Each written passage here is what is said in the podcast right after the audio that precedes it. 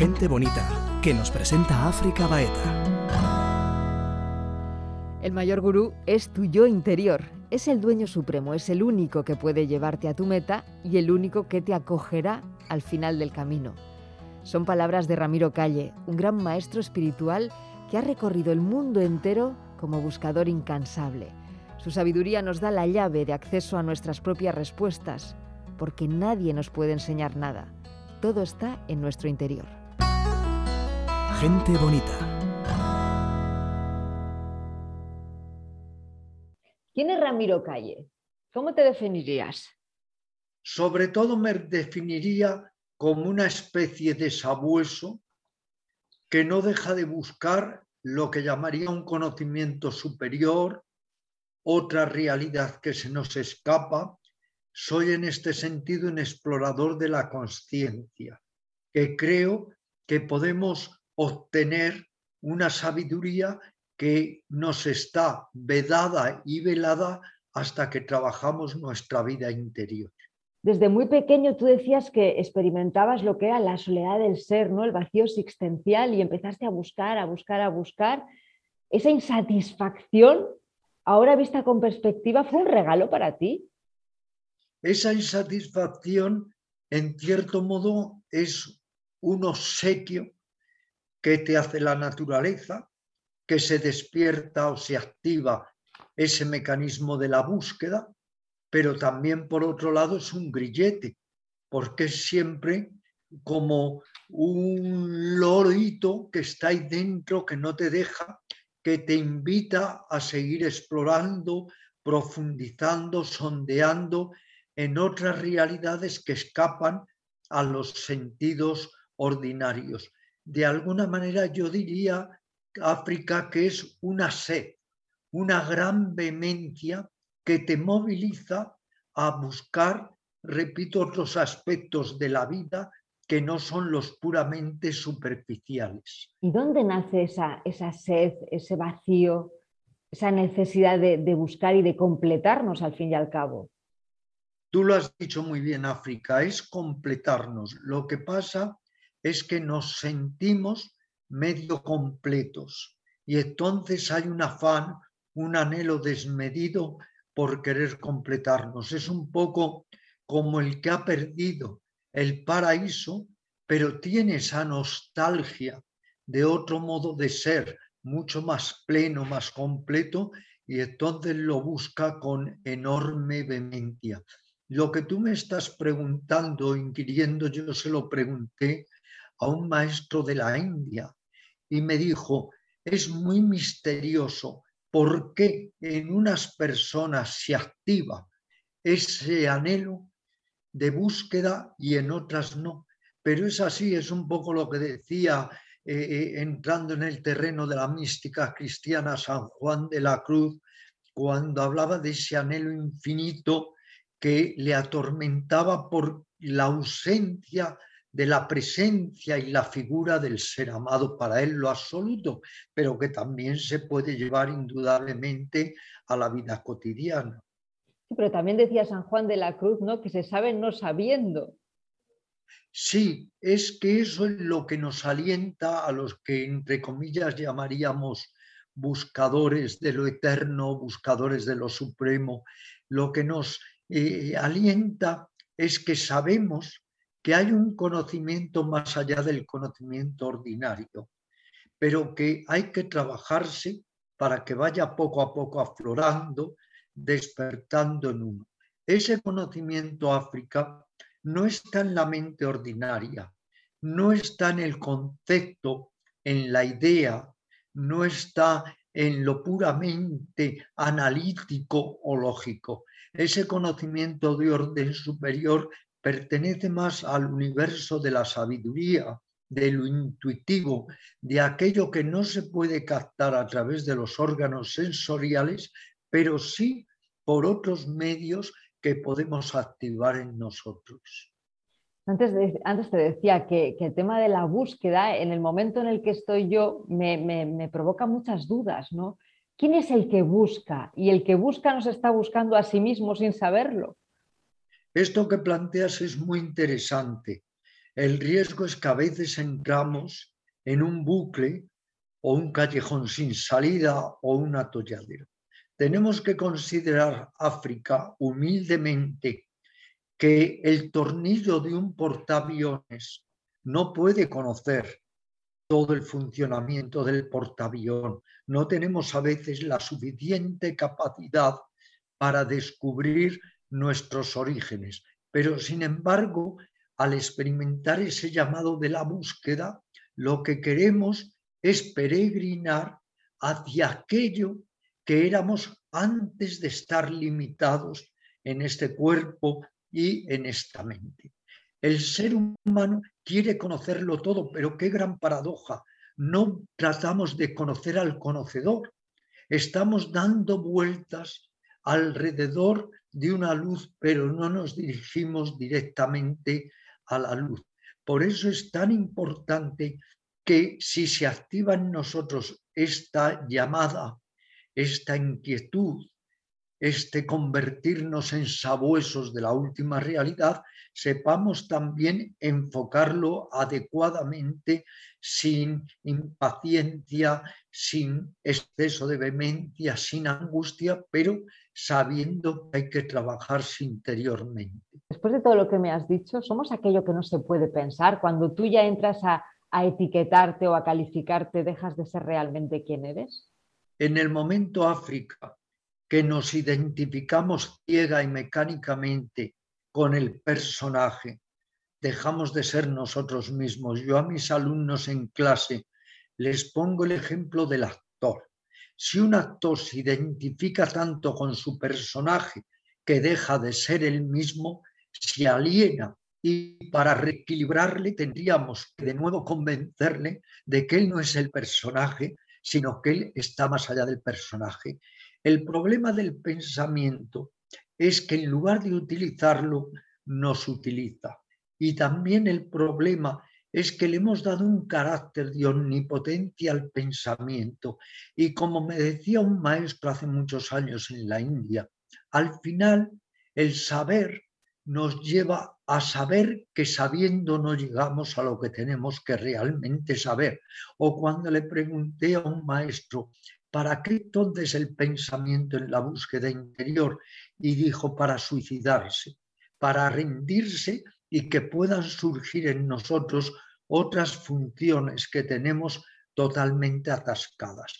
Esto no quiere decir ni mucho menos renunciar a la cultura, al diálogo, al pensamiento, al concepto, porque en la vida diaria tenemos que utilizar esa mente doméstica, esa mente funcional, pero en la vida interior espiritual hay que dar un salto, ir más allá de esa mente que tanto nos limita, porque ha llegado un momento africano en que la idea usurpa el lugar de la realidad y estamos tanto en la cosa que no estamos en lo que es. Y como dijo Krishnamurti, la palabra no es la cosa. Y más allá de la cosa que vemos está lo auténtico. ¿Es toda una ilusión?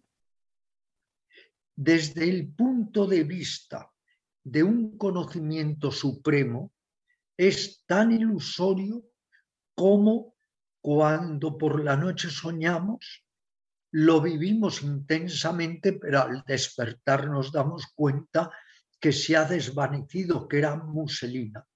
Pero el hecho de que fuera ilusorio no quiere decir que no represente un gran dolor cuando algo es doloroso. Hay un cuento muy hermoso que recojo en mis libros de cuentos espirituales de Oriente. Un maestro está siempre hablando de desapego, desapego. Pero entonces se muere su hijo y comienza a llorar desconsoladamente. Y los discípulos le dicen, que no te vea la gente porque llevas tantos años hablando de desapego y de que todo es ilusorio y ahora te llegan las lágrimas a los pies. Y el maestro responde, pero es que es tan doloroso perder un hijo ilusorio en un mundo ilusorio. Por tanto, que no nos malinterpreten. En un nivel es ilusorio, en otro nivel es real. Por eso todos nos estamos moviendo en realidades paralelas. ¿Cómo se trasciende al ego? ¿Se puede trascender siendo, estando encarnados, viviendo en una sociedad? ¿Se puede realmente trascender al ego lo necesitamos para estar en sociedad? Ahí has puesto el dedo en la llaga. El gran problema, lo ilusorio es el ego. He aprendido desde hace muchos años, otra cosa es que sea capaz de seguirlo, ¿no? Pero he aprendido desde lo más profundo de mí que lo que es bueno para el ego es malo para el ser. Porque el ego es el gran falsario, el ego es un prestidigitador sumamente hábil que una y otra vez nos engaña hasta cuando creemos que no es ego. Eso también es ego. Y ahí hay que realizar todo el trabajo de orden psíquico y espiritual. Si queremos desenvolvernos armónicamente y aspirar a otra manera más cuerda de ser, tenemos que desmantelar la estructura muy complicada, eso y muy sofisticada del ego, porque el gran engaño es el ego. Tu pregunta es muy interesante. ¿Podemos llegar, sobre todo en una sociedad egocéntrica, narcisista, competitiva, alienada, a trascender el ego? Yo diría que si no a trascenderlo, a tenerlo bajo sospecha y a por lo menos estudiar y resistirnos un poco más a nuestras reacciones egocéntricas. El problema, como decía antes en el ejemplo, no es ser un actor. El problema es creerse el papel que interpretas. Si tú eres consciente de tu papel y no te envaneces y no te jactas, entonces el ego poco a poco lo estás debilitando, por lo menos le controlas en cierto modo. Y la mente se puede llegar entonces a liberar de todos sus programas, creencias, patrones. El pensamiento y el ego son hermanos gemelos. Cuando suspendes el pensamiento, ¿dónde está el ego? En un momento que tú te quedas abstraída, ensimismada, contemplativa, ¿dónde está el ego? Lo que alimenta el ego es el pensamiento, es su suministro, su energía. Si aprendemos a dominar un poco y encauzar el pensamiento, también seremos capaces de darle la gran batalla al ego. Eso requiere constancia, requiere un método, requiere, diría entre comillas, una ascesis, no en el sentido ascético de penitencia, sino de poner límites precisamente a ese ego para ir un poco más allá del ego. En ese momento es cuando aparece el silencio mayúsculas, ¿no? Que alguna vez te has, referido tú a él, ¿no? Ese silencio que está en el centro de, de, un huracán. ¿Cómo se llega a ese punto, no? ¿Cómo se trabaja esa transformación día a día? Me preguntabas hace un momento, que es muy interesante, que no perdamos también esa vía de razonamiento, me preguntabas si hay que trascender eh, ideas, creencias, patrones. Sí, hay que ir poco a poco sabiendo independizarnos o liberarnos de todas esas huellas que han quedado muchas en el inconsciente, que en el yoga llamamos sanskaras, impregnaciones, huellas, engramas cerebrales que son como surcos repetitivos de conciencia, como cuando se rayaba un disco de vinilo y que es muy difícil salir de ahí. Solo a través de una práctica, no solo la meditación, la meditación con lo poco que meditamos, hay que decirlo y ser franco, es insuficiente. Meditar media hora es mejor que no meditar nada, pero hay que apoyar la meditación con otras técnicas el autoexamen, eh, la autoinvestigación, la autoobservación, muchas más técnicas y sobre todo seguir la triple disciplina, que es la disciplina de la ética genuina, que nada tiene que ver con la moralidad convencional, la disciplina del dominio de la mente y la disciplina del desarrollo de la sabiduría o entendimiento correcto. Lo que pierde a la humanidad es la ofuscación. Todos estamos ofuscados y en la ofuscación entroncan las dos tendencias más nocivas. Una, la avaricia o avidez, y la otra, el aborrecimiento o el odio.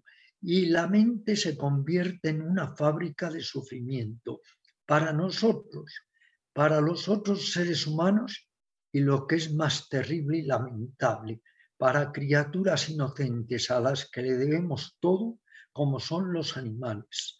Entonces, todo ello de dónde nace? Ofuscación, avaricia y odio. Si lográramos liberarnos de esas tres raíces perniciosas de la mente, entraríamos en un estado de conciencia que no nos lo podemos ni imaginar tristemente ni ensoñar. Dices que el ser humano es un intento fallido y que está en constante evolución. O sea, nosotros que no hemos llegado todavía a ser seres humanos, como dices, estamos en evolución hacia ello. Pero ¿para qué? ¿Para qué necesitamos evolucionar? Mira, mientras estamos aquí, ya que hemos venido a África, en lugar de preguntarnos tanto a veces, ¿y por qué he venido? Que es una pregunta básica, o ¿para qué he venido?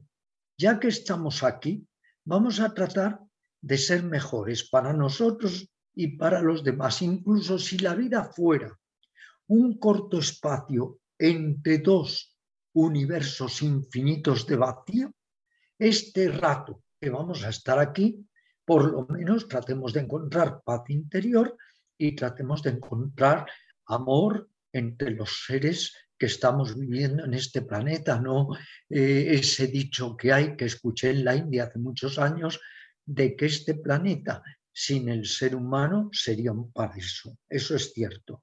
Y aunque toda vida es sagrada, hay algo que es indiscutible. El ser humano tal y como es es prescindible. Es que, ¿qué hacemos aquí? Si no hacemos nada bien, si no es para ayudar al planeta y a los animales y a los árboles y a las plantas, ¿qué hacemos aquí? Crear odio, crear codicia, crear celos, crear envidia, luego más que pensar dónde podemos llegar. Ya estamos aquí y ya que estamos, para mí lo más importante de la vida es la paz interior más el amor. Y sin embargo, la gente ni ama ni tiene paz interior. Ya has nombrado eh, el amor. No sabemos amar. ¿Qué es amar? Ni idea. No, no, no tenemos ni idea. además es muy difícil expresarlo. El mismo gran místico Sufí Rumi dijo, y cuando voy a escribir sobre el amor, se rompe la mina de mi lápiz, dando a entender que el amor es amor, es inexpresable. Es una palabra muy manoseada, pero que realmente luego tú lo has dicho. Y ya lo decía el gran psiquiatra Jung, no tenemos idea de lo que es amar, porque amamos desde el ego. Y el amor desde el ego siempre es egocéntrico, siempre es un poco manipulador, posesivo, se basa en exigencias, en reproches, en celos. Habría que encontrar un tipo de amor que está más allá del ego. Aquí hay que aplicar, para no desanimarnos, ese adagio que dice, vamos a ir aunque no lleguemos. Aun si no llegamos a la meta, pero vamos a seguir poco a poco avanzando hacia la misma y aprender a valorar cosas realmente importantes. Pero como falla el discernimiento, como fallan nuestros enfoques, como nuestra visión está a veces ofuscada, entonces nuestro proceder no es el correcto. Y ya que tengo esta oportunidad, África, me gustaría decir algo que es una tesis que he alentado desde hace muchos años. Si la mente del ser humano no cambia, nunca cambiará nada. Esto es indudable. Si dejamos el cambio a los políticos, ¿qué nos espera? Si los políticos son unos individuos que nos dominan desde un despacho, ellos se meten en un despacho y de acuerdo a lo que ellos quieren para ello, tienen el poder de luego dominar a toda la humanidad no podemos dejar las cosas en los dirigentes, en los gobernantes, en los políticos. Tenemos que aprender a cambiar nosotros mismos. Y si por cada país hubiera una persona realmente despierta, cambiaría la faz del mundo, pero todos estamos aborregados viviendo en una especie de sonambulismo compartido. Es verdad, porque la vida más que aprendizaje también es desaprendizaje. Hay más, tú lo sabes, que desaprender que aprender. Hay que arrojar muchísimas cosas por la borda. Hay que liberarnos de todo lo que es en nosotros adquirido. Primero, indagar qué es en mí lo más real, qué es en mí lo más adquirido. Pero hay en todos un yo real, un yo adquirido. Lo adquirido cuanto antes seamos capaces de soltarlo mucho mejor. Se requiere una enorme intrepidez porque para desenmascararse hay que ser muy valiente. Vemos lados en nosotros que no nos gustan absolutamente nada, pero si no ves las espinas no puedes sacarlas, obviamente. Esa comprensión que duele, que escuece al principio, pero que luego libera, ¿no? Pero también hay una parte de la vida muy sabia que fluye sola y que, y que te va que te va mostrando el camino, ¿no? Lo que en el budismo, y tú hablas muchas veces de ello, son los tres mensajeros, ¿no? La vejez, la enfermedad y la muerte.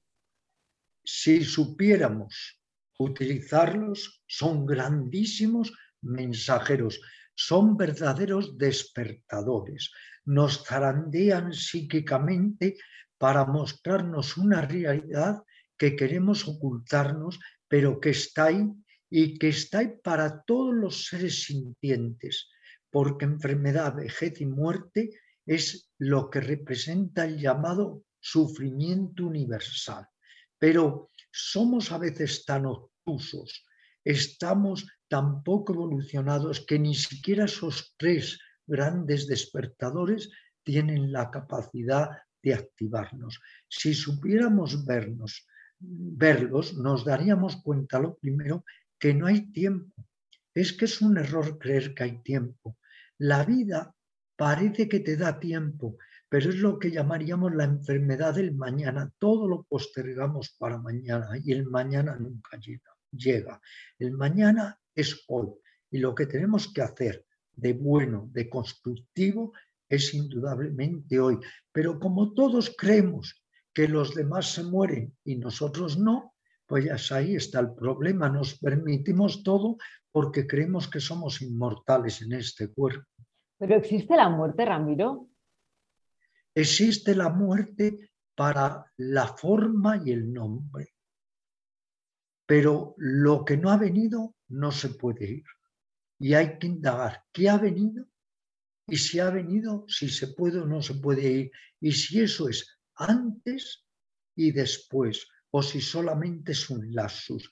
Ahí entramos en el mundo de las creencias o de las experiencias.